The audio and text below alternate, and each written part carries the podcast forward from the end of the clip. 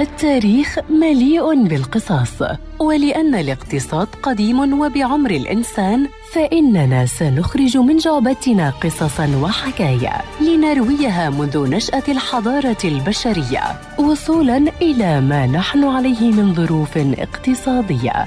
في بودكاست تاريخ الاقتصاد مع المدون الاقتصادي مجد النوري عبر إذاعة أجيال ومنصاتها المختلفة.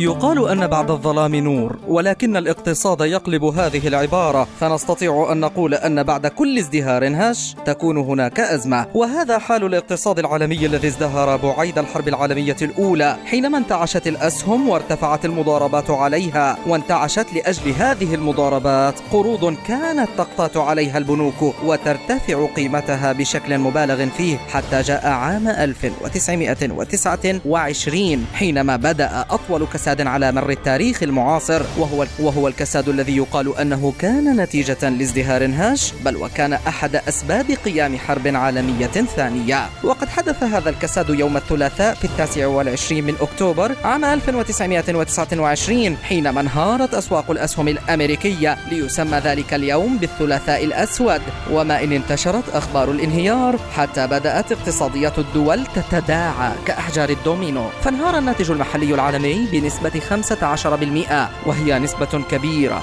إذا ما عرفت أن الأزمة المالية عام 2008 تسببت بانخفاض الناتج العالمي بنسبة 1% فقط بل وارتفعت خلال الكساد نسب البطالة والفقر. ولك أن تتخيل أن مجرم كآل كابوني كان ينفق ويطعم فقراء حيه آنذاك. بل ولك أن تتخيل أن رئيس الوزراء البريطاني وينستون تشرشل يقال أنه خاسر كل ماله آنذاك. ولينتهي الكساد عام 1936 ليخرج العالم من كساد مظلم لآتون حرب عالمية ثانية.